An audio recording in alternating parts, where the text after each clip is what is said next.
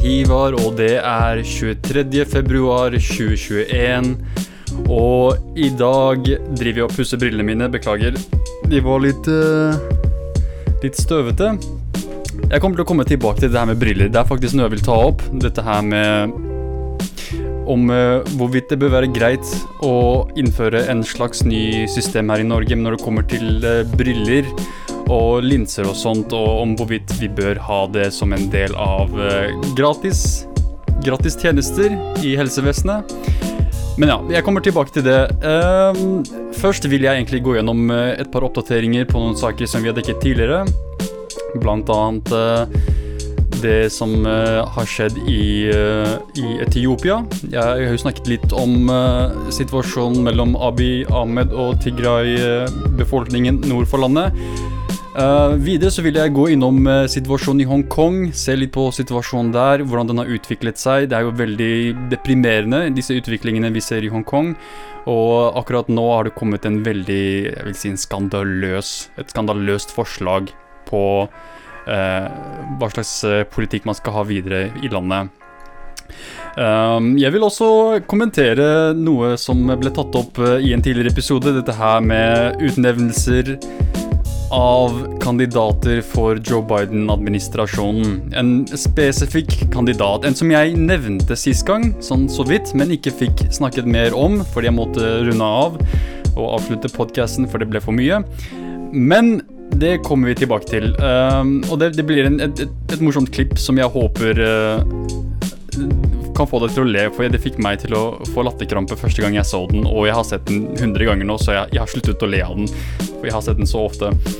Men la oss uh, hoppe rett i det, og starte med denne konflikten mellom Um, Etiopias uh, sentrale myndigheter og de lokale myndighetene i Tigray-regionen nord for landet. Det er hovedsakelig Tigray People's Liberation Front, altså TPLF, som vi har snakket om de tidligere. og Jeg vil, jeg vil kjapt nevne litt av bakgrunnen, men hvis du vil ha en informasjon i dybden om, om, om konflikten og bakgrunnen, så vil jeg anbefale en tidligere podkast hvor vi snakket om nettopp dette her. Så etter politiske uenigheter mellom uh, de sentrale myndighetene i Etiopia og de lokale uh, myndighetene i Tigray-regionen nord for landet, så erklærte Abiy Ahmeds eh, regjering at de ville slå hardt ned på denne TPLF, altså Tigray People's Liberation Front. Regjeringen anklaget eh, TPLF bl.a. for å ha angrepet og plyndret en militærbase i regionen. Dette ser de sentrale myndighetene i Etiopia på som en trussel. Så på denne siden så hevder de sentrale myndighetene at landets militære har vært veldig nøyaktige i krigføringen mot Tigray-regionen. De har jo kommet ut med noen helt tåpelige påstander om hvor nøyaktige de er når det kommer til denne krigsføringen. De har bl.a. sagt at hver eneste person som mister livet, da, er liksom der fortjent, fordi denne personen er mest sannsynlig skyldig i situasjonen ved at de bl.a. er på TPLF sin side i, i, denne konflikten. Og Hvis du stiller deg bak TPLF, er du dermed en forræder, og da er den behandlingen du får, da er det fortjent fordi du, er, du stiller deg bak TPLF, i motsetning til å stille seg bak de sentrale myndighetene i Etiopia. Så Sist vi snakket om dette her, så drøftet vi om hvorvidt uh, vi var på vei mot en slags uh, borgerkrig i landet. Liksom, mange i landet fryktet jo at nettopp dette uh, ville skje, at det ville bli en borgerkrig. Og mange av de internasjonale observatørene av situasjonen mente det samme, at dette her ser ut til å utvikle seg i den retningen hvor det utvikler seg til å bli en borgerkrig. Og jeg vil nok si at det har på en måte blitt det. Selv om man kanskje er litt mer forsiktig og spesifikt kategoriserer det som en borgerkrig, men effektene av det er så å si veldig lik de effektene man ser i en borgerkrig. Og jeg er veldig forsiktig med å bruke det ordet borgerkrig, fordi jeg vil ikke, jeg vil ikke på en måte kalle noe en borgerkrig når det ikke er det, fordi det er veldig, en veldig seriøs uh, situasjon. Og når man snakker om krig i verden, så er det oftest borgerkriger som oppstår. Det er veldig sjelden, egentlig, at det er kriger mellom to nasjoner. Ofte er det innad i en nasjon hvor man har en krig mellom ulike faksjoner, altså en borgerkrig. Så mange i Etiopia spesifikt fryktet jo at dette her ville skje, og de var veldig tydelige om det. at de på en måte ikke ville det, da, men eh, hva kan man gjøre når man har en leder som Abiy Ahmed, som vil heller bruke disse metodene, da, krig og bombing og Det er anklagelser for uh, ja, eh, krigsforbrytelser, men vi kommer tilbake til det, om uh, hvorvidt de er legitime. Om det er noe, uh, noe legitime bevis bak disse anklagelsene om bl.a. Uh, folkemord. Jeg vil si til en viss grad så er vi i det stadiet, og vi kan kalle dette her en borgerkrig. Og og allerede liksom når vi først snakket om denne Når vi hadde disse fryktene om at dette her muligens ville bli en borgerkrig, så var det veldig mye flyktning som foregikk. Altså folk som flyktet fra Tigray-regionen over til bl.a. nabolandet Sudan. Og for å være helt ærlig, jeg vil ikke komme her og påstå at vi, har, vi, vi vet alt om situasjonen. Det vet vi ikke. Er, og det er En av de problemene med denne konflikten er at vi vet egentlig veldig lite om hva som skjer der nede. Fordi det har vært, blant, blant, de metodene Abiy Ahmed bruker, så er det denne isolasjonen av området med tanke på internett og andre kommunikasjonsmetoder er blokkerte. Så det blir veldig vanskelig for oss å vite oss i utlandet å vite hva som egentlig skjer der. Det, når man ikke har media, så blir det veldig vanskelig å bekrefte noe som helst. Men vi har heldigvis aktivister og observatører på nettet som har vært veldig effektive i å spre budskapet om situasjonen som foregår. Eh, blant annet så har de vært veldig flinke til å belyse situasjonen eh, gjennom eh, Twitter. Det er også her jeg for det meste har holdt øye med situasjonen, for å være helt ærlig. fordi det er veldig begrenset med informasjon om denne konflikten i medier ellers, og det syns jeg er veldig rart, fordi ja, på den ene siden så kan man argumentere for at ja, Etiopia er langt unna. Det, er, eh, det, er, det, har ikke så mye med Norge å gjøre, så, vi, så, det er greit for oss å egentlig ikke bry oss. Altså norske medier, Det er greit at vi på en måte overser situasjonen i Etiopia. Men det er helt feil tankegang, tenker jeg. Bare fordi det er langt unna, bare fordi vi har veldig få relasjoner til Etiopia. Noe som egentlig er bullshit. Vi ga jo Abiy Ahmed Nobels fredspris, så vi bør kanskje holde øye med hvordan han styrer landet sitt. Vi som hadde så mye håp for han. Men det er også feil, fordi Etiopia i seg selv er jo en veldig viktig nasjon. Dette er snakk om en, et, et, land med uh, flere millioner, jeg tror over 100 millioner mennesker som bor i Etiopia. Og bare i denne Tigray-regionen er det også snakk om millionervis av folk. Um, og, og, veldig mange som nå har blitt drevet på flukt som, en, som et resultat av denne konflikten og for de som er litt mer konservative her i Norge, da, som tenker ok, vi, vi, vi, vi, tar ikke imot flyktninger fra disse afrikanske landene, men vi må heller hjelpe dem der de er. Vel, hvordan skal vi kunne hjelpe noen som helst der nede når vi ikke vet hva som skjer? Så det er egentlig veldig viktig å faktisk holde øye på situasjonen, enten om du er progressiv eller konservativ. Uansett, så er det viktig å faktisk prøve å få med seg så mye informasjon som mulig. Og heldigvis så er det en del informasjon på Twitter. Hvis du er aktiv på Twitter, så, så, vil du faktisk få en del informasjon om situasjonen der nede. Veldig rå informasjon, veldig lite som er på en måte filtrert gjennom, uh, gjennom massemedier. Og det kan på en måte være en fordel og en ulempe. Det kan være en ulempe med, med tanke på at uh, man kan bli uh, offer for propaganda. Altså at det er visse aktører i denne konflikten som skaper falske nyheter for å gi et inntrykk av at situasjonen er på et vis, når den egentlig ikke er det. Men en av fordelene er jo også at uh, dette er informasjon som kommer rett fra folk. Og, og, det kan være en fordel ved at uh, vi får informasjon som uh, kanskje myndighetene i Etiopia ikke vil at resten av verden skal vite om. Uh, de har jo på en måte vært veldig effektive i å sette opp denne kommunikasjonsblokaden, som innebærer ikke bare medieblokade, men også med tanke på internett. Så at vi har folk som faktisk gjør sitt beste i å spre ordet om det, det, det kan på en måte gi oss et alternativt blikk på situasjonen enn det hva myndighetene i Etiopia på en måte fremstiller. De har jo bl.a. sagt at de er veldig nøyaktige i sin krigsføring, at de er veldig sikre på hvem de tar livet av, og at de ikke tar noe liv av noen sivile i det hele tatt. De, de har 99,9% nøyaktighet i hvem de går etter. Uh, og det er jo bare tullete. Sånn, hvordan kan du påstå det? At, uh, at militæret ditt er så nøyaktig? Det er veldig få som er så nøyaktige. Det er alltid snakk om sivile liv som går tapt, så du må være ærlig om det. Og Gjennom Twitter så har vi jo fått veldig mye informasjon om, om situasjonen som vi ellers ikke, ville ha fått. Og på den andre siden skal man jo også kaste anklagelser om, eh, om bots. Uh, dette er noe veldig mange har uh, kommentert på, at det kanskje er veldig mange falske kontoer som står bak disse, denne spredningen på Twitter bl.a. Men etter min mening da, så er det ikke egentlig noe som tyder på at det er bots som som sprer denne informasjonen. Jeg vil si at veldig mye av det er faktisk legitime folk. At det, er uh, ekte folk da, som på en måte bare er veldig effektive i å belyse situasjonen mer så enn at de er bots. At dette er bare en person som står bak 100 kontoer. Um, ok, jeg har et par artikler her fra Norwegian Refugee Council annet, så hva er det som egentlig skjer i konflikten akkurat nå? Fordi mye av det jeg snakket om nå, har jo foregått ganske lenge nå. Men det har jo vært en del endringer og utviklinger, så la oss se på hva som har skjedd i det siste. Vel, eh, som du kanskje vet, i slike konflikter så er det ofte de som er svakest, som lider når man har en krig. Og i dette tilfellet så snakker vi om flyktninger. fordi de er jo Du kan ikke være mer sårbar enn det enn å være flyktning. Eh, og vi har her et par rapporter som forteller om situasjonen til disse flyktningene, og det er ganske brutalt som måten de, de, de tilstandene de lever i. Norwegian Refugee Council har jo kommet ut med en rapport eh, om at eh, et par bygninger som er eid av Norwegian Refugee Council, la meg kalle de NRC fra nå av. Eh, eller NRC, for å ikke gjøre det altfor engelsk her. De rapporterte at noen av bygningene deres hadde blitt angrepet som var i Tigray-regionen. Så de har tilstedeværelse i Tigray, og de bygningene har blitt angrepet.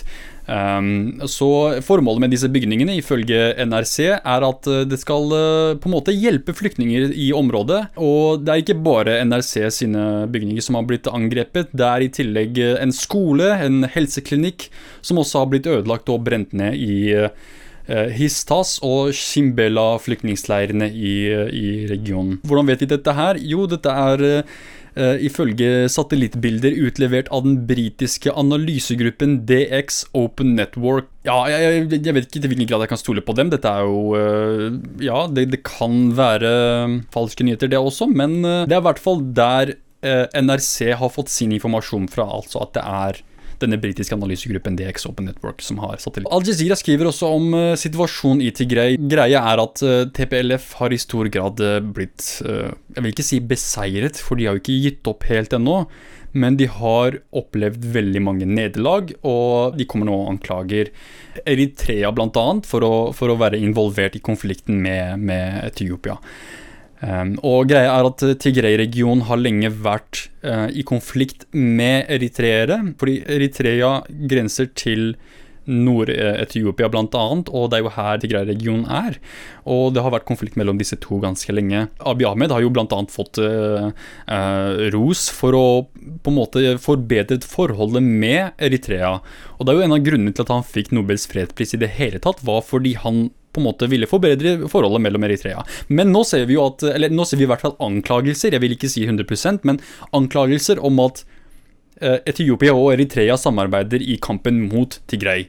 Um, så jeg vet ikke til hvilken grad uh, fredssamtalene han hadde med Eritrea førte til mer, mer, fred. Kanskje de førte til mer fred blant de sentrale myndighetene, men det har jo ikke, basert på disse anklagelsene, det har jo ikke ført til mindre lidelse, egentlig. En rapport fra Ethiopian Human Rights Commission skriver eh, at det har vært rapporter på 108 voldtektssaker i eh, områdene Mekele, Adigrat og Aider. Det er også mangel på mat og manglende grad av sikkerhet, så vel som eh, helsetilbud, som da tvinger folk til å reise veldig langt for å, få, for å kunne få behandling. Og ifølge Etiopias Røde Kors her, så skal 80 eh, av Tigray-regionen ha blitt isolert fra humanitær hjelp. Noe som kan da bidra til at situasjonen blir mye verre. Veldig likt det vi så i Jemen. Det at områdene blir isolert og da fører til at en stor andel eh, opplever eh, sult, da at det blir hungersnød. Og man kan jo vurdere, sånn, spørre, spørre, seg selv da, til hvilken grad er Abiy Ahmeds regjering med på å opprettholde denne blokaden på humanitær hjelp for området. Presidenten for International Federation of Red Cross and Red Crescent Societies forteller til Al Jazeera at han var sjokkert over å høre om hva som har skjedd i området, altså disse rapportene fra flyktninger eh, og, og ofre for denne konflikten. Um, han har et sitat her. Han sier situasjonen der er noe av det vanskeligste jeg har sett noensinne. Folk mangler nærmest alt. Han forteller at eh, de 40 sykehusene i regjeringen som er tilgjengelig, til stor grad mangler utstyr for å kunne tilby behandling. og for ikke nevne all den plyndringen og, og angrepene og, og på bygninger bl.a. Eh, og, og sykehusene i området, som også egentlig gjør situasjonen veldig mye verre, da. Altså Det er allerede vondt, men dette her gjør bare ting verre når man har angrep og brenning og ødeleggelse av bygninger og plyndring. Jeg vil bare tydeliggjøre at det er, egentlig, det er, egentlig, veldig vanskelig å bekrefte 100 eh, mange av disse rapportene, men igjen, du må huske at dette kommer fra flyktninger og folk som påstår å ha opplevd disse tingene her. Så du kan vurdere det mot Abiy Ahmeds uh, retorikk da om at, uh, at de er 100 rettferdige i alt de gjør, og at de er etiske i sin krigsføring. Jeg vil si at de er avhengig av reportere som kan fortelle oss om hva som skjer der, men det blir jo vanskelig nå når eh, Abiy Ahmed har denne medieblokaden og, og nekter uh, det han kaller innblanding. Altså at, vi blander oss inn ved å, ved å, på en måte dekke disse sakene her. TPLF skal etter Abiy Ahmed og, og hans regjerings uh, syn på situasjonen, på denne konflikten, så har TPLF tapt denne konflikten allerede i november. Um, og han påstår også at ingen sivile har mistet livet i disse angrepene. Virkelig. Ingen sivile har mistet livet. Det, igjen, tenk på deg selv her. Hvem høres mer troverdig ut her? Flyktninger som sier at de har flyktet fra krig og opplevd disse tingene, og Abiy Ahmed som sier det har ikke vært en eneste sivil som har mista livet. At alle som har mista livet, har etter hans mening da, fortjente. Samtidig så har vi Uh, ikke bare rapporter fra flyktninger, men også de, de som har vært ofre for plyndring, voldtekt og massemord. Um, dette er ifølge en rapport fra The Times of Israel. Um, la meg bare tydeliggjøre hvem de er. Uh, The Times of Israel uh, de er egentlig en, en, en politisk uavhengig nettavis etter deres mening at de er politisk uavhengige. De er verken på høyresiden eller venstresiden. Og de er egentlig kjent for å drive det man kaller gravende journalistikk. Altså at de dedikerer store ressurser til å gå i dybden på saker for å lære masse om en sak før de på en måte dekker det. da. Um, og i denne, dette eksempelet her da, så har de dekket en konflikt som skjedde i byen Aksum. Som sies av etiopiere å være stedet hvor de ti bud skal ha blitt fraktet etter de, for, de forsvant fra Jerusalem. Jøss. Yes. Um, denne, denne, kilden til, eh, til Time, The Times of Israel forteller at um, han er et medlem av en av de kirkene i byen her, og at uh, soldater skal ha brytet seg inn i kirken mens folk var der, og, begynt, og, de skal ha begynt å skyte ned folk da. Mens folk prøvde å flykte, så har de bare skytet etter dem også. Um, og at uh, når de først kom ut i gatene, så hørte de skyting overalt, og, og de, de, prøvde selv å flykte og komme seg unna. Um, men uh, hvis vi ser på Twitter, så er det uh, en hashtag som har blitt veldig populær i det siste, og det er uh, Tigray genocide, som har, som har fått veldig mye oppmerksomhet. Så det er her anklagelsene på folkemord kommer inn. Og um, igjen, jeg er veldig forsiktig med å bruke disse begrepene her, men når man har en slik type kan man kalle etnisk forfølging av en, av en, gruppe, da. Så kan man egentlig kalle det folkemord, spesielt når det er de metodene som man påstår at det er. Så hvis du går inn på Twitter og ser på denne hashtagen på Tigray Genocide, så finner du bl.a. Eh, noe som jeg dessverre så, som er uhell, og det er en brutal video som viser unge sivile som skal ha blitt drept av, ifølge Tigray-kilder, da, drept av eritreiske og etiopiske soldater. Så man anklager altså om at uh, både Eritrea og Etiopia er med på å drive folkemord mot uh, Tigray-befolkningen nord for uh, Etiopia. Når, når, vi ser på tallene frem til nå, så skal tusenvis ha mista livet. og Nærmere to millioner mennesker har blitt drevet på flukt. Igjen, Vi må huske at dette er et land med veldig, veldig mange innbyggere. Så man må forvente egentlig at det har såpass katastrofale effekter at såpass mange folk blir drevet på flukt. Um, to millioner er ikke, er ikke ingenting, altså. Det er veldig mange folk um, som har på en måte blitt drevet av flukt bare av denne konflikten mellom Tigray-befolkningen og myndighetene i Etiopia, de sentrale myndighetene der. Så utenom dette her, sånn, ok, dette er de tallene vi har. Uh, tusenvis som har mista livet, to millioner på flukt. Hva er det TPLF sier til, til dette her? Jo, de sier at de ennå ikke gir opp. De kommer til å fortsette denne kampen. Og til en viss grad så kan man si at uh, konflikten foregår ennå. Det, det, det, er jo fortsatt Ja, selv om, selv om hovedstaden i Tigray, Mekkele, har blitt tatt over av myndighetene, så betyr det ikke dermed at de har på en måte fullstendig kontroll over hele Tigray-regionen. Men de har altså tatt hovedstaden, så til en viss grad så har jo TPLF opplevd veldig store nederlag, men jeg vil ikke si at de har fullstendig tapt, og de har jo ikke gitt opp helt ennå, så vi kan ikke si at konflikten er over. Absolutt ikke. Eritrea de nekter fortsatt for at de er involvert i konflikten, men uh, igjen, vi må ta uh, disse flyktningenes rapporter i betraktning når vi tenker på uh, når, vi, når, vi, hører disse, disse benektelsene for involvering, da. Her er noe interessant. En tidligere leder for Somalias nasjonale etterretning og sikkerhetsetat skal ha påstått at Somalia også er involvert i konflikten, og at 370 somalske soldater skal ha blitt sendt til denne regionen for å, for å kjempe i krigene her. Og dette er snakk om soldater i alderen 20 til 30 år som skal ha blitt sendt til Eritrea for å bli trent opp der av eritreiske myndigheter, og dermed sendt til Tigray-regionen for å kjempe i krigen. Og Parlamentet i Somalia har krevd at disse påstandene skal etterforskes, fordi man har jo folk som sier å jøss, plutselig forsvant det såpass mange soldater, hvor, hvor kan de ha gått? Så, så, man liksom eh, Man krever nå i Somalia at regjeringen skal granske dette her og finne ut om hva som er fakta. Men til nå så er det ikke noe konkret, eh, så vidt jeg vet. Um, Sudan har jo også blitt eh, påvirket av konflikten, og det er jo bare forventet. Det er jo også et naboland eh, til Etiopia. Og når jeg tenker på at de blir påvirket, det er ikke bare med tanke på at de har fått en del flyktninger fra denne regionen. Det var jo bare forventet. De, de var veldig uh, De, de forsto at noe sånt ville skje. De var jo allerede klare for over 200 000 flyktninger når denne konflikten begynte. De var liksom klare for dette her. Men vi har også en rapport her som eh, er fra en kilde kalt Europe External Program with Africa, som er en belgisk organisasjon. Ifølge dem så er det slik at eritreiske soldater skal ha angrepet grenseområdene i Sudan på jakt etter disse flyktningene. Og det skal ha resultert med eh, fire sudanesiske soldater som skal ha mista livet. Og, og, dette er tilbake i 15.12.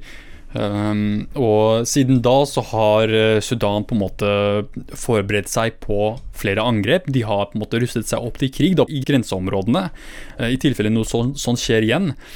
Og um, i området Edega Hamus så skal så mange som 150 sivile uh, ha blitt drept av eritreiske soldater.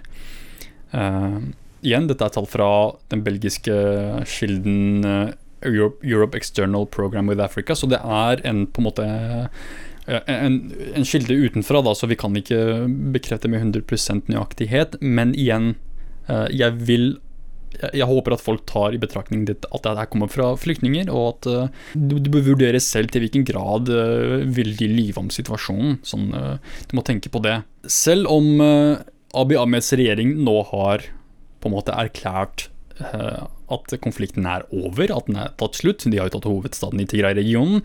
Ehm, så er det jo fortsatt en stor andel eh, Eller en stor grad av elendigheter som herjer over hele landet.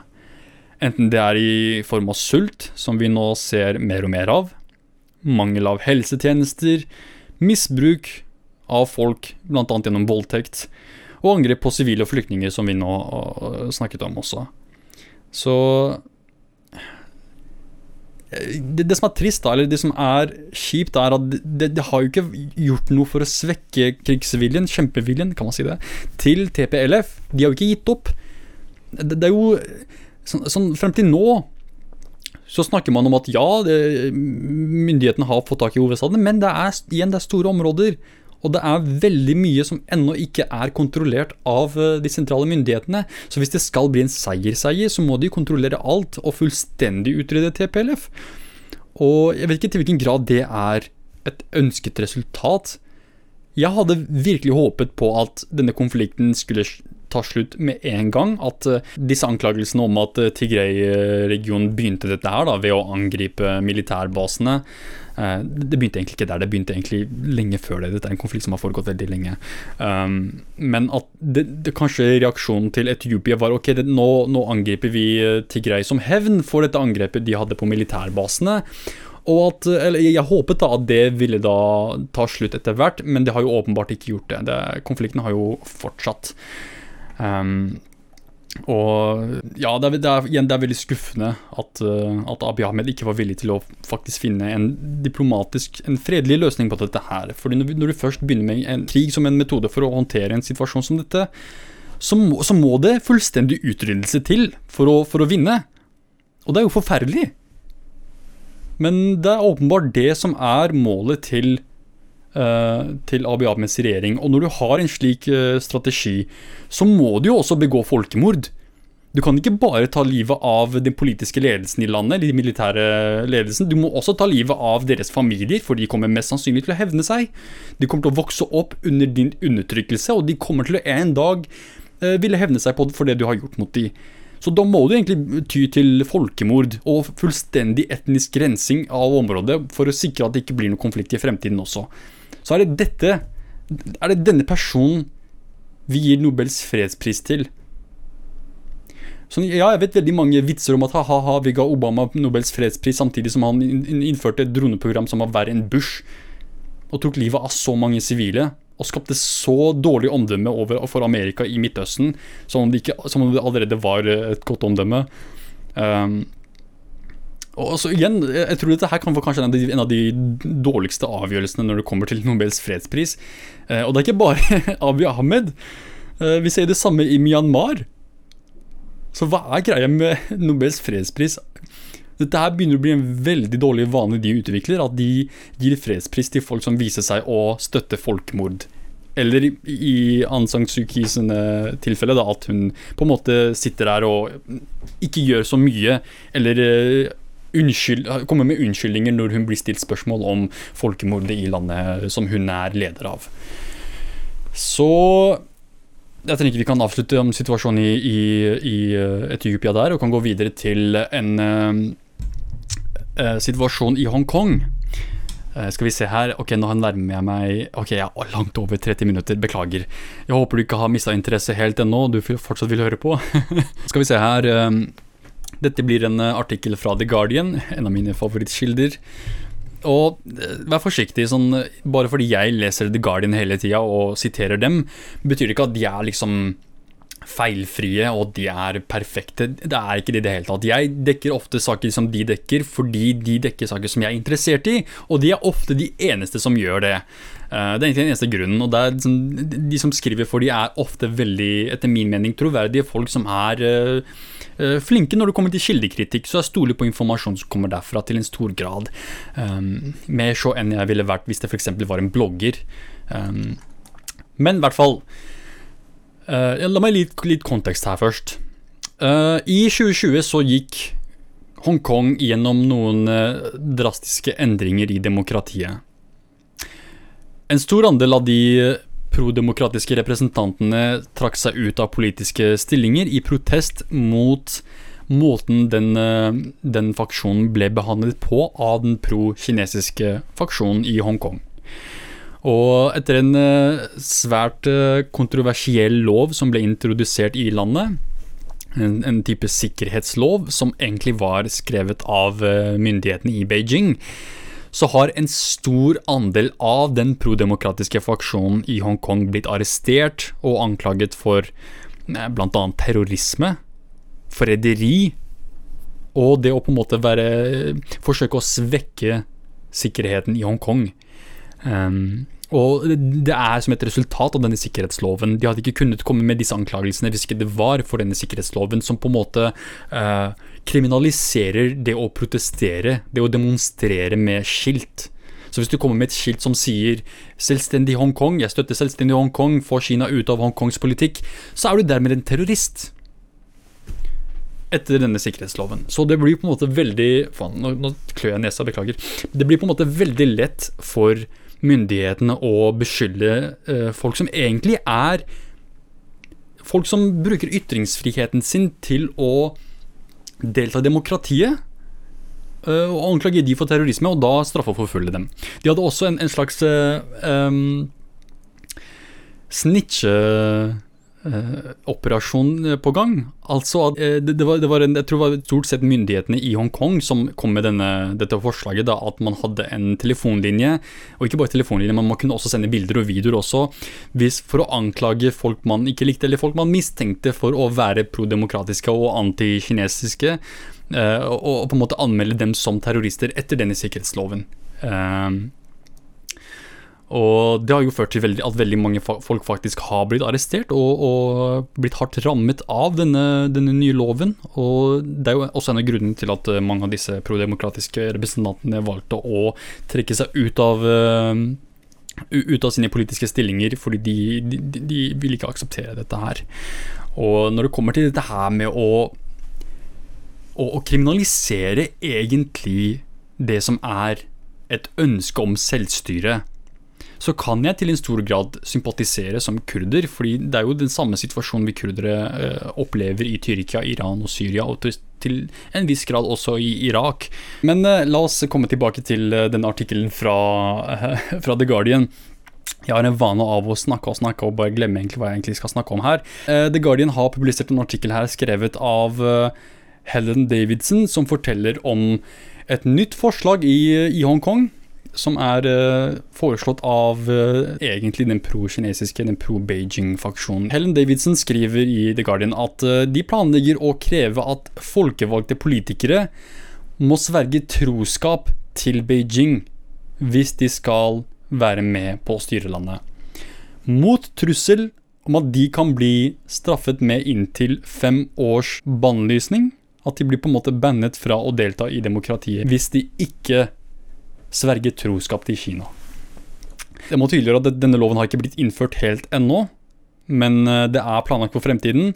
Um, og dette kommer etter en kunngjøring om at eh, Hongkong vil sikre eh, at Hongkong vil kun styres av folk som har sin lojalitet hos Beijing. Dette betyr altså at de krever at representanter skal representere den politiske agendaen i, i Beijing framfor den eh, politiske viljen til folket i Hongkong. Så du er representant for Hongkong, men du skal representere Beijing. Du skal ikke representere folk i Hongkong. Ja, du blir valgt av de i Hongkong, men din jobb er å fremme agendaen til Beijing. Så jeg skjønner at uh, det her er veldig bekymringsfullt, at uh, man skal komme inn og sverge troskap til Beijing. Burde ikke være omvendt. Burde ikke være at du skal sverge troskap til folket i Hongkong hvis du skal representere dem, hvis du er folkevalgt gjennom Hongkong? Åpenbart ikke. Åpenbart så skal man fortsatt støtte kinesiske myndighetene. Det er deres politiske agenda for regionen. Um, så ja, de skriver at uh, dette vil gjøre det nærmest umulig for uh, opposisjonen å komme inn i maktposisjoner, med mindre, ja, med mindre at de sverger troskap til Kina. Um, men ja, det, det, det tyder jo veldig veldig ille for, eh, for eh, fremtiden til den prodemokratiske eh, bevegelsen i Hongkong. Og det er veldig trist, for jeg hadde veldig store forhåpninger når, når de, disse protestene først startet, fordi de var massive. Utrolig store. Det var veldig, veldig uh, inspirerende å se at så mange folk faktisk brydde seg om demokratiet i landet sitt. Og, og, og, og, se nå da at alle disse folka blir ansett som terrorister og trusler for staten og, og forrædere, det er veldig bekymringsfullt. Men uh, akkurat denne loven her, den vil jeg komme tilbake til når vi først ser om den blir innført eller ikke. Uh, det er ingenting som tyder på at din, den ikke vil bli det. Det er faktisk mye som tyder på at den vil bli innført, men vi får vente og se. Og jeg kommer tilbake til den for å, for å oppdatere om, om, det blir eh, noen endringer der eller ikke. Så nå tenker jeg vi kan gå over til å se på en eh, protest som også har foregått eh, ganske lenge nå, og, og som jeg egentlig har oversett. Um, men jeg tenker det er greit å gå gjennom kjapt om, om, situasjonen der også, og fortelle litt om hvorfor denne, denne protesten har oppstått. Og det er snakk om protesten i India la oss nå gå over til denne protesten som foregår i India. Og den har, igjen, den har foregått ganske lenge. Det er ikke noe nytt, men det er fortsatt uh, greit å gå gjennom, tenker jeg. For India er jo egentlig en av, et av verdens største demokratier. Det er jo uh, over en milliard folk i India. Det er veldig viktig å, å følge med på hva som skjer der. Uh, og i hvert fall håpe på at landet holder seg i en trygg situasjon, at det ikke utvikler seg til å bli en konflikt, som vi har sett nå i veldig mange andre steder i verden. Denne protesten som foregår nå i India, handler stort sett om jordbruk. Bønder i India skal ha samlet seg i store protester mot en ny lov som ble innført i landet eh, i desember, nei, september 2020. Og de mener at eh, denne loven vil gjøre det veldig vanskelig for dem å overleve eh, ved å på en måte kunne tjene penger på arbeidet sitt. da. Eh, på den andre siden så argumenterer regjeringen for at dette er nødvendige endringer. At dette vil modernisere jordbruket i jordbruksindustrien i India. At det vil gjøre det lettere, gi dem mer frihet. Men det er åpenbart ikke slik disse bøndene ser på denne situasjonen. Da. De kunne på en måte det var sikret en minimumsbeløp for hva de kunne selge for. Så det var, liksom, det, var, det var, sikret en viss andel av penger uansett. Uh, men disse tre nye lovene som har blitt eh, innført av uh, Narendra Modis regjering, de gjør det mulig for bøndene å selge til hvem som helst, og ikke bare til den såkalte komiteen som skal ta hånd om salg av disse, disse jordbruksvarene. Uh, og igjen, dette genererte en slags uh, minimumsinntekt for bøndene, i hvert fall, så det var på en måte en viss sikkerhet i det. Uh, men Modi sier at denne loven vil gi bøndene mer frihet, at det vil gjøre det lettere for de å på en måte, hvis de vil, da, kreve litt mer penger for, for sine jordbruksvarer, og at det vil egentlig gjøre situasjonen bedre. Men bøndene er veldig bekymret for at dette vil tillate eh, store selskaper å komme inn og eh, på en måte drive prisene langt ned. Og gjøre det enda vanskeligere for de da å tjene noe som helst på sine, sine varer. Um, skal vi se her eh, eh, CNN skriver oh, Sorry, jeg, må bare tydeliggjøre at, jeg, at det er veldig mange som er veldig skeptiske til CNN. Spesielt hvis du har fulgt med på Kompisprat ganske lenge, for vi har jo kritisert CNN ganske ofte for sin veldig partiske dekking av uh, saker som kunne ha blitt dekket uten å måtte være partiske.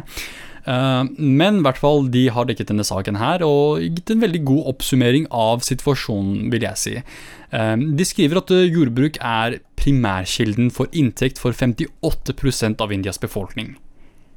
58% av langt over en, langt over en milliard mennesker.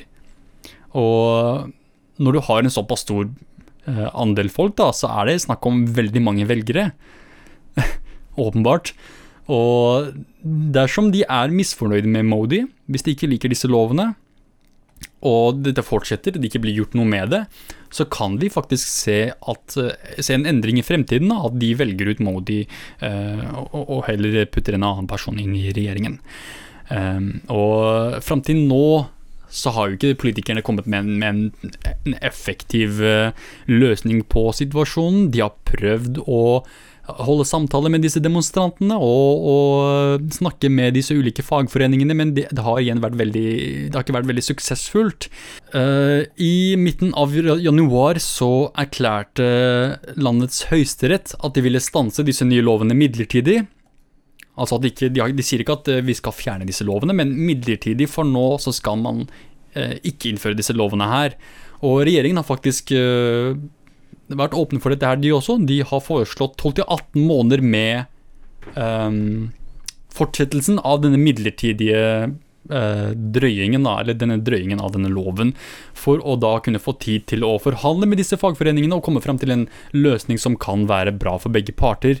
Men uh, selv om de kommer fram til en løsning Selv om de kommer fram til en, uh, en, en løsning som da kan fungere som en kompromiss, så tror jeg Modi har gjort en stor feil her. Jeg tror ikke dette her kommer til å gjøre situasjonen hans særlig bedre. Jeg tror folk kommer til å huske dette her. disse 58% av, av befolkningen i India, de, de, de, er jo avhengig av jordbruk, og de kommer til å huske dette her ved neste valg. Så uansett hva slags løsning han kommer med, så forventer jeg at uh, folk er i hvert fall skeptiske til, til han videre. da, og Han, han, har jo kommet ut og sagt at han, uh, tidligere i hvert fall, da, at han er liksom Han vil gjøre situasjonen for uh, bøndene i, i India bedre, og hele rettferdiggjøringen av denne loven er jo nettopp det. At han vil på en måte gjøre situasjonen til bøndene bedre. Det er slik han rettferdiggjør det. Det er det han sier at han, hans intensjoner er. Men åpenbart så er jo ikke bøndene åpne for denne, disse nye lovene. De liker det ikke. De er bekymret. Og det, det, igjen, det kan skape veldig dårlig omdømme for Modi videre, og det, det kan påvirke valgresultatene neste gang. Men uh, vi får se. Vi får se hvordan det utvikler seg. Men for nå så er det forhandlinger som foregår, og de skal prøve å komme fram til en løsning på dette her.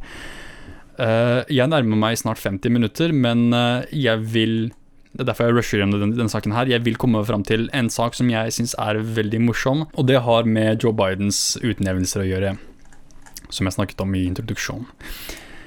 Så vi har tidligere snakket om eh, Joe Bidens utnevnelser for hans eh, administrasjon, og jeg nevnte at eh, han hadde valgt en del folk med riktig bakgrunn, identitetsmessig, altså folk som er kvinner, folk som har flerkulturell bakgrunn, og folk som bl.a. er homofile, som transportminister Peter Paul Montgomery Buttigieg. Montgomery er et skikkelig sånn elitenavn, jeg vet ikke hvorfor. Men i hvert fall Veldig fint. Kjempebra. Du har valgt et veldig eh, Ikke bare multikulturelt, men også multietnisk og multiskjønnet og multiseksuell legningsmessig regjering. Så det er veldig, veldig fint å se at eh, Joe Biden er progressiv på denne måten her, da. At han, han ikke er en rasist, en homofob og en sexist. Veldig fint. Um, bare for å si det sånn, jeg, jeg, tror ikke Joe Biden er disse tingene. Ja, han er veldig gammeldags, um, og han burde vist bedre. Fordi Bernie Sanders er jo så gammeldags, men han, han, jo, han har jo ikke kommet ut med disse utsagnene som kan være veldig sånn Dette var litt rart, hvorfor sier han det? Det, det var veldig rasistisk sagt. Uh, men eh, ja, Joe Biden jeg, jeg, tror ikke han fokuserer seg så mye på disse tingene her som jeg fokuserer meg på akkurat nå. Han, han gjør jo en veldig god jobb eh, på andre aspekter, som bl.a. Eh, måten han vil håndtere koronasituasjonen, og måten han vil eh, gi store summer til folk som sliter med, spesielt sliter med koronasituasjonen, disse spesifikke eh, miljøene i USA som har blitt hardt rammet, og at han vil på en måte gi store summer penger til folk. Jeg syns det er veldig bra den, denne planen han har kommet ut med. Eh, men en feil som Joe Biden har gjort, etter min mening, er at han har valgt visse folk inn i regjeringen sin som kanskje ikke burde ha blitt foreslått i det hele tatt, fordi de er såpass polariserende og splittende figurer. En av dem er Nero Tandon, som uh, er blitt eh, foreslått eh, til å lede avdelingen i Det hvite hus som skal sørge for at de ulike etatene i regjeringen skal følge presidentens agenda presidentens politiske agenda. Uh, og de har veldig mye makt. Denne, denne posisjonen til, som Nero Tenden stiller som kandidat for, har veldig mye makt. De har veldig mye å si, og de har store summer og er ansvarlig for å, å, å, fordele disse summene her. De har veldig stort budsjett på flere milliarder dollar. Så en veldig viktig rolle når det kommer til uh, budsjett, landets budsjett. Da. Men Nero Tandon har tidligere hatt veldig kontroversielle utsagn på sosiale medier og blant eh, annet eh, så har dette utløst noen veldig morsomme reaksjoner fra både folk fra høyresiden og venstresiden av politikken. Og spesielt under en uh, høring fra, fra en, en, ja, en, høring om henne som kandidat i Senatet, som har vekket veldig store reaksjoner online. Så hør på dette her. Times. I have said that in every role. Okay, And let me interrupt you. I, I got to go to another subject. I appreciate your answer. I, I, have to tell you, I'm very disturbed about your personal comments about people. Mm. Um, you know, it's not just one or two. I think you deleted about a thousand tweets. And it wasn't just about Republicans. And I don't mind disagreements in policy. I think that's great. I love the dialectic. But the comments were personal.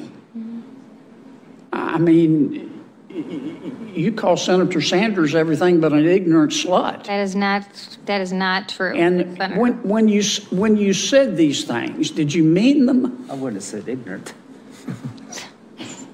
Senator, I have to say, I deeply regret my comments. I understand that, but And when I you said them, did you them. mean them? I understand you've, you- you've taken them back, but did you mean them? I'd say the discourse over the last four years on all sides has been incredibly polar. I'm asking about yours. Did you mean them? I really feel badly about them, Senator. Did you mean them? I feel badly about them. Did you mean them when you said them?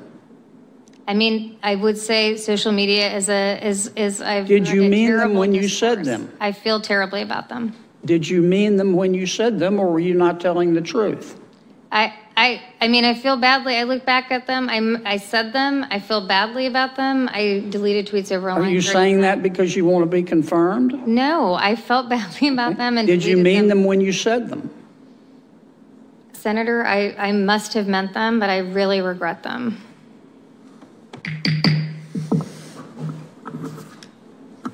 I want the record to reflect that I did not call Senator Sanders an ignorant slut. Okay? Thank you. Uh, I don't know how I should take that, Senator Kennedy, but uh, Senator Kane. Thank you, Mr. Chair. Excited about your leadership. Uh, And to Ms. Tandon, congratulations. I have. Absolutt. Selvfølgelig mente hun det når hun sa det, men hun vil ikke si det. Eh, og det, det, det beviser egentlig litt om henne som, som person, da. Om, om uh, hvor, hvor ærlig hun er når det kommer til noe så enkelt som å innrømme 'ja, jeg mente det jeg sa', eller 'nei, jeg mente det ikke'. Men uh, ja, dette, dette var en veldig kontroversiell greie egentlig når det kommer til debatten om henne som kandidat. På den ene siden så har du veldig mange som har kritisert eh, folk som meg blant annet, som ler av dette her, for å fokusere for mye på uh, utsagn som visse politikere eh, kan være fornærmet av, som annet Bernie Sanders. eller også man, veldig mange på høyresiden, sånne republikanere som hun har vært veldig, veldig brutal mot. Jeg lener mot at det er diskvalifiserende, at det på en måte beviser at hun har veldig dårlig dømme, dømmekraft. Men i hvert fall, det er veldig mange på venstresiden da, som sier at ok, vi fokuserer altfor mye på disse kommentarene. Vi fokuserer altfor mye på det faktum at hun disset eh, republikanere og disset Bernie Sanders. Um, på venstresiden da, så har du jo også egentlig veldig mye kritikk mot henne som Uh, som leder for tankesmien Center for American Progress, som er en uh, rådgivende organisasjon, altså en tankesmie, ja, uh, som har fått utrolig mye penger bl.a. fra Wall Street. Så man blir litt bekymret da man tenker ok, ja, hun kan si hva hun vil, men det viktigste er hvem, kommer, hvem sin politikk hun kommer til, å- fremme. Rollen hennes kommer til å være fremme, å fremme Joe Biden sin politikk, men når du, er, når du har store summer penger fra Wall Street, så stiller det spørsmål til dine intensjoner. Hvem kommer du egentlig til å, til å, til å støtte? Hvem sin politikk kommer du egentlig til, til, å, til å fremme? Kommer du til å fremme en person som utnevnte deg til en mektig stilling, eller kommer du til å utnevne personen som har på en måte finansiert deg gjennom flere år med flere, flere tusen dollar? Flere hundre tusen dollar. Um, det, det er et legitimt spørsmål.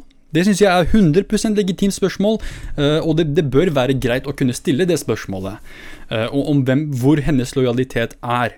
Det er veldig viktig for den rollen hun skal, hun skal utfylle her, så jeg skjønner hvorfor eh, folk på venstresiden blir irritert over at vi fokuserer for mye på hennes eh, kommentarer om politikere versus hennes eh, karriere med, med Center for American Progress, hvor hun fikk mye penger fra Wall Street. Um, og jeg mener det er, en, det er en veldig god grunn til å stemme imot henne, uh, men jeg vet ikke til, hvilken grad andre folk har kommet ut og, direkte sagt at man skal stille spørsmål til hennes lojalitet, men jeg er villig til å argumentere for det. At man, man, man kan stille spørsmål uh, rundt dette her om hvorvidt hun er lojal mot presidenten eller Wall Street. Jeg skal være ærlig med at jeg er litt bekymret over at Joe Biden valgte henne. Sånn, første gang jeg så henne på listen, tenkte jeg hæ? Nero Tandon? Sånn, hvorfor er hun en av kandidatene? Så, og så kom det, traff det meg. Ah, Gjennom hele kampanjen, valgkampanjen så var hun utrolig aggressiv mot Bernie Sanders. Og Bernie Sanders var en av hovedkonkurrentene til Joe Biden.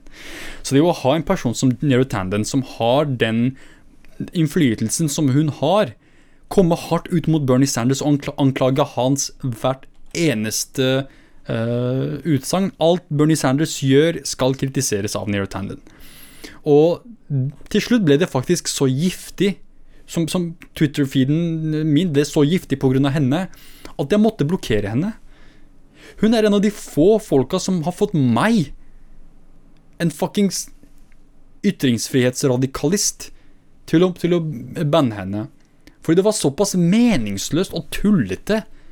Som, virkelig, skal du virkelig kritisere Bernie Sanders for dette? her? Skal du virkelig gå så hardt ut mot han? Det er som han sier her, Det eneste du ikke kalte han, var en ignorant hore. Det var det eneste som manglet. Når det kommer fra en person som påstår å være liberal og progressiv, samtidig så kommer du så hardt imot eh, ikke, bare, ikke bare personligheten til progressive folk, men politikken til progressive folk da, da, da, blir jeg litt skeptisk til, til, deg som person og dine intensjoner. Hvem er det du egentlig støtter da? Støtter du egentlig eh, politikk som vil fremme det, det, som er best for folk, eller vil du fremme politikk som vil fremme Wall Street? Og det er akkurat den type politiker hun er. Hun er, den, hun er fra den, den grenen i Det demokratiske partiet som fremmer korporatistisk politikk. Altså politikk som fremmer interessene til kooperasjoner overfor vanlige folk. Og hun er, hun er absolutt en slik person. Og det er bekymringsfullt. Og for den stillingen hun er i. Og ikke bare det, men også som, som politiker og person, så, så syns jeg øh, det beviser på en måte hvor lojaliteten hennes egentlig ligger. Jeg tenker også det, er, det egentlig er viktig å se på hennes øh, personangrep som en legitim grunn og årsak for å faktisk stemme imot henne. Ja, det er sånn personlige kommentarer og Twitter-feed og sånt. Man, man, bør ikke kunne straffes for ting man har sagt, sånn, altså ytringsfrihet. Men Biden har jo lovet å på en måte hente ære og ordentlighet og tiltro til regjeringen tilbake. At man skal på en måte ha en ordentlig og respektabel regjering. Når, når du har lovet det, så kan du dessverre ikke ha med deg folk som Neera Tandon. Du kan bare ikke det. Så det blir veldig feil for Joe Biden egentlig å fremme Neera Tanden som en kandidat, og jeg skjønner virkelig ikke hvorfor, hva han tenkte med.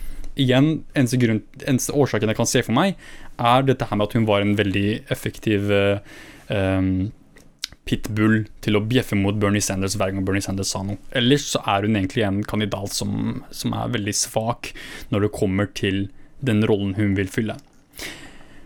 Så før jeg avslutter her, nå, jeg, nå, har jeg krysset en time, men jeg lovet å snakke om dette her, og jeg er lei av å love ting uten å på en måte komme innom de sakene.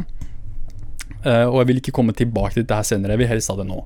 Så før jeg avslutter her, et spørsmål om helsetilbudet her i Norge. Hvorfor er det slik at uh, en stor andel av helsetjenester i Norge er gratis, men så har vi også andre aspekter av uh, vår helse da, som ikke blir dekket av staten. Ikke for å si at alle helsetjenester i Norge er gratis. Det er selvfølgelig ulike systemer. Systemet for uh, tannlegene er bl.a. annerledes enn legebesøk. Og det er jo også annerledes fra, fra besøk hos optikeren. Og det er det som er problemet her. er at Det er visse deler av dette her med helse og hva slags hjelp man kan få av staten som er veldig rasjonelle og veldig progressive og veldig fine systemer. Men så har du også aspekter ved helsevesenet som er egentlig sånn forvirrende. Så hvorfor, hvorfor, er det ikke hjelp her også? Og det er nettopp når det kommer til briller. Um, man, får, man, får, jo egentlig ikke Eller man har jo egentlig veldig få ordninger til å kunne hjelpe med synet hvis man først har et svakt syn. Um, og det er ikke som om det å kunne se er en slags kosmetisk greie. Så vi som bruker briller, har jo et svakt syn. Vi bruker ikke briller fordi briller er sexy. Hvis det, hvis det var slik at briller Herregud, se, se nå. Hvis du ser på video. Hva er bedre? Ser jeg bedre ut uten briller eller med briller? åpenbart ser jeg bedre ut uten briller, men jeg må bruke briller fordi det er det som passer meg best økonomisk. Jeg kan ikke bruke linser hver dag og ha månedlige kostnader som jeg egentlig ikke har råd til. Og jeg, heller ikke, jeg har heller ikke råd til en øyeoperasjon som meg, kan koste meg 35 opp til 40 000 kroner her i Norge, med mindre jeg da reiser til utlandet for å ta en operasjon der. Og jeg, jeg, jeg er ikke sikker på at det er noe jeg har muligheten til akkurat nå. Så det blir egentlig en, slags uh, en ulempe da med å ha svak syn er at det er veldig få ordninger der ute som kan tilby deg hjelp når du først har svakt syn. Og det, det, det, forvirrer meg, for det er ikke som om det var mitt valg å bli svaksynt. Det var ikke som om jeg i ung alder tenkte ha, briller ser kult ut, la meg, la meg pirke meg selv i øynene slik at jeg en dag får svakt syn. Så, det blir litt sånn urettferdig da, at uh, vi som er født med svakt syn, Uh, enten du er nærsynt eller har skeive hornhinner eller hva enn det er. Etter min mening, da, det bør være ordninger der ute til å kunne hjelpe hvis du ikke har råd til bl.a. Uh, operasjon eller en månedlig kostnad for, uh, for linser. Men nå tenker jeg også på folk som vil være sparsomme, folk som ikke vil bruke penger på dette her. Uh, og mange vil si men dette her, herregud, det er ikke så dyrt å på en måte kunne bruke briller eller linser. Men jeg tenker også at dette her handler om helse. Dette her handler om noe som veldig mange i Norge bl.a. sliter med. Det er jo ikke bare folk som har svakt syn nå, som, sånn som meg, da, som er i ung alder, men allerede har svakt syn. Det er jo mange som også utvikler svakt syn senere i livet. Så hvis du tenker hvorfor skal jeg betale skatt for at Hiva skal kunne betale, eh, skal kunne betale mindre for brillene sine, eller linsene sine, eller øyeoperasjonen sin? Så må du huske at en dag så vil du kanskje få svakt syn, og det hadde kanskje Hadde ikke det vært det, hadde ikke vært fint for deg hvis du var gammel, at du, kunne, at du trengte å betale litt mindre for, eh, for, å kunne se bedre? Hadde ikke det vært en fordel? Hadde ikke du likt det, å kunne spare litt penger? Ikke, ikke, tenk, ikke bare tenk på kostnadene dine når du kommer til skatt, tenk på også de fordelene du vil få en dag. Og med briller så er det veldig, veldig eh, fornuftig å tenke slik, da, tenker jeg. Fordi det er jo veldig mange folk som igjen utvikler dårlig syn senere i alderen. Og det blir litt sånn, litt, sånn urettferdig da, at uh, vi med svakt syn skal diskrimineres mot. Uh, og jeg tenker vi bør bli sett på til en viss grad som funksjonshemmede. Uh, jeg vet det blir litt drøyt, men det er også noe som, som, som gir litt mening. Da. Det er jo ikke, ikke slik at ja, igjen, det er ikke slik at de valgte å bli funksjonshemmede på den måten her, at vi ikke kan se tydelig. Um, og igjen, er, du må huske at det her kan skje med deg også i senere tiden, hvis ikke du allerede har svakt syn. Uh, og, og, jeg tror nok det hadde vært et veldig godt system da, hvis man kunne tilby hjelp til folk som har svakt syn. Og kanskje greit, greit, jeg er ung, jeg, jeg, har potensial til å jobbe, jeg kan jobbe, jeg kan tjene penger, jeg kan uh, kjøpe briller, det går fint. Men hva med de eldre? Hva med de som ikke kan jobbe og tjene penger? Hva med de folka? Skal vi ikke da kunne Bør vi ikke da ha et universelt system da, som på en måte gir alle muligheten til å få eh, hjelp for, eh, for, å, for, å, bedre synet sitt? da? Absolutt, jeg mener det.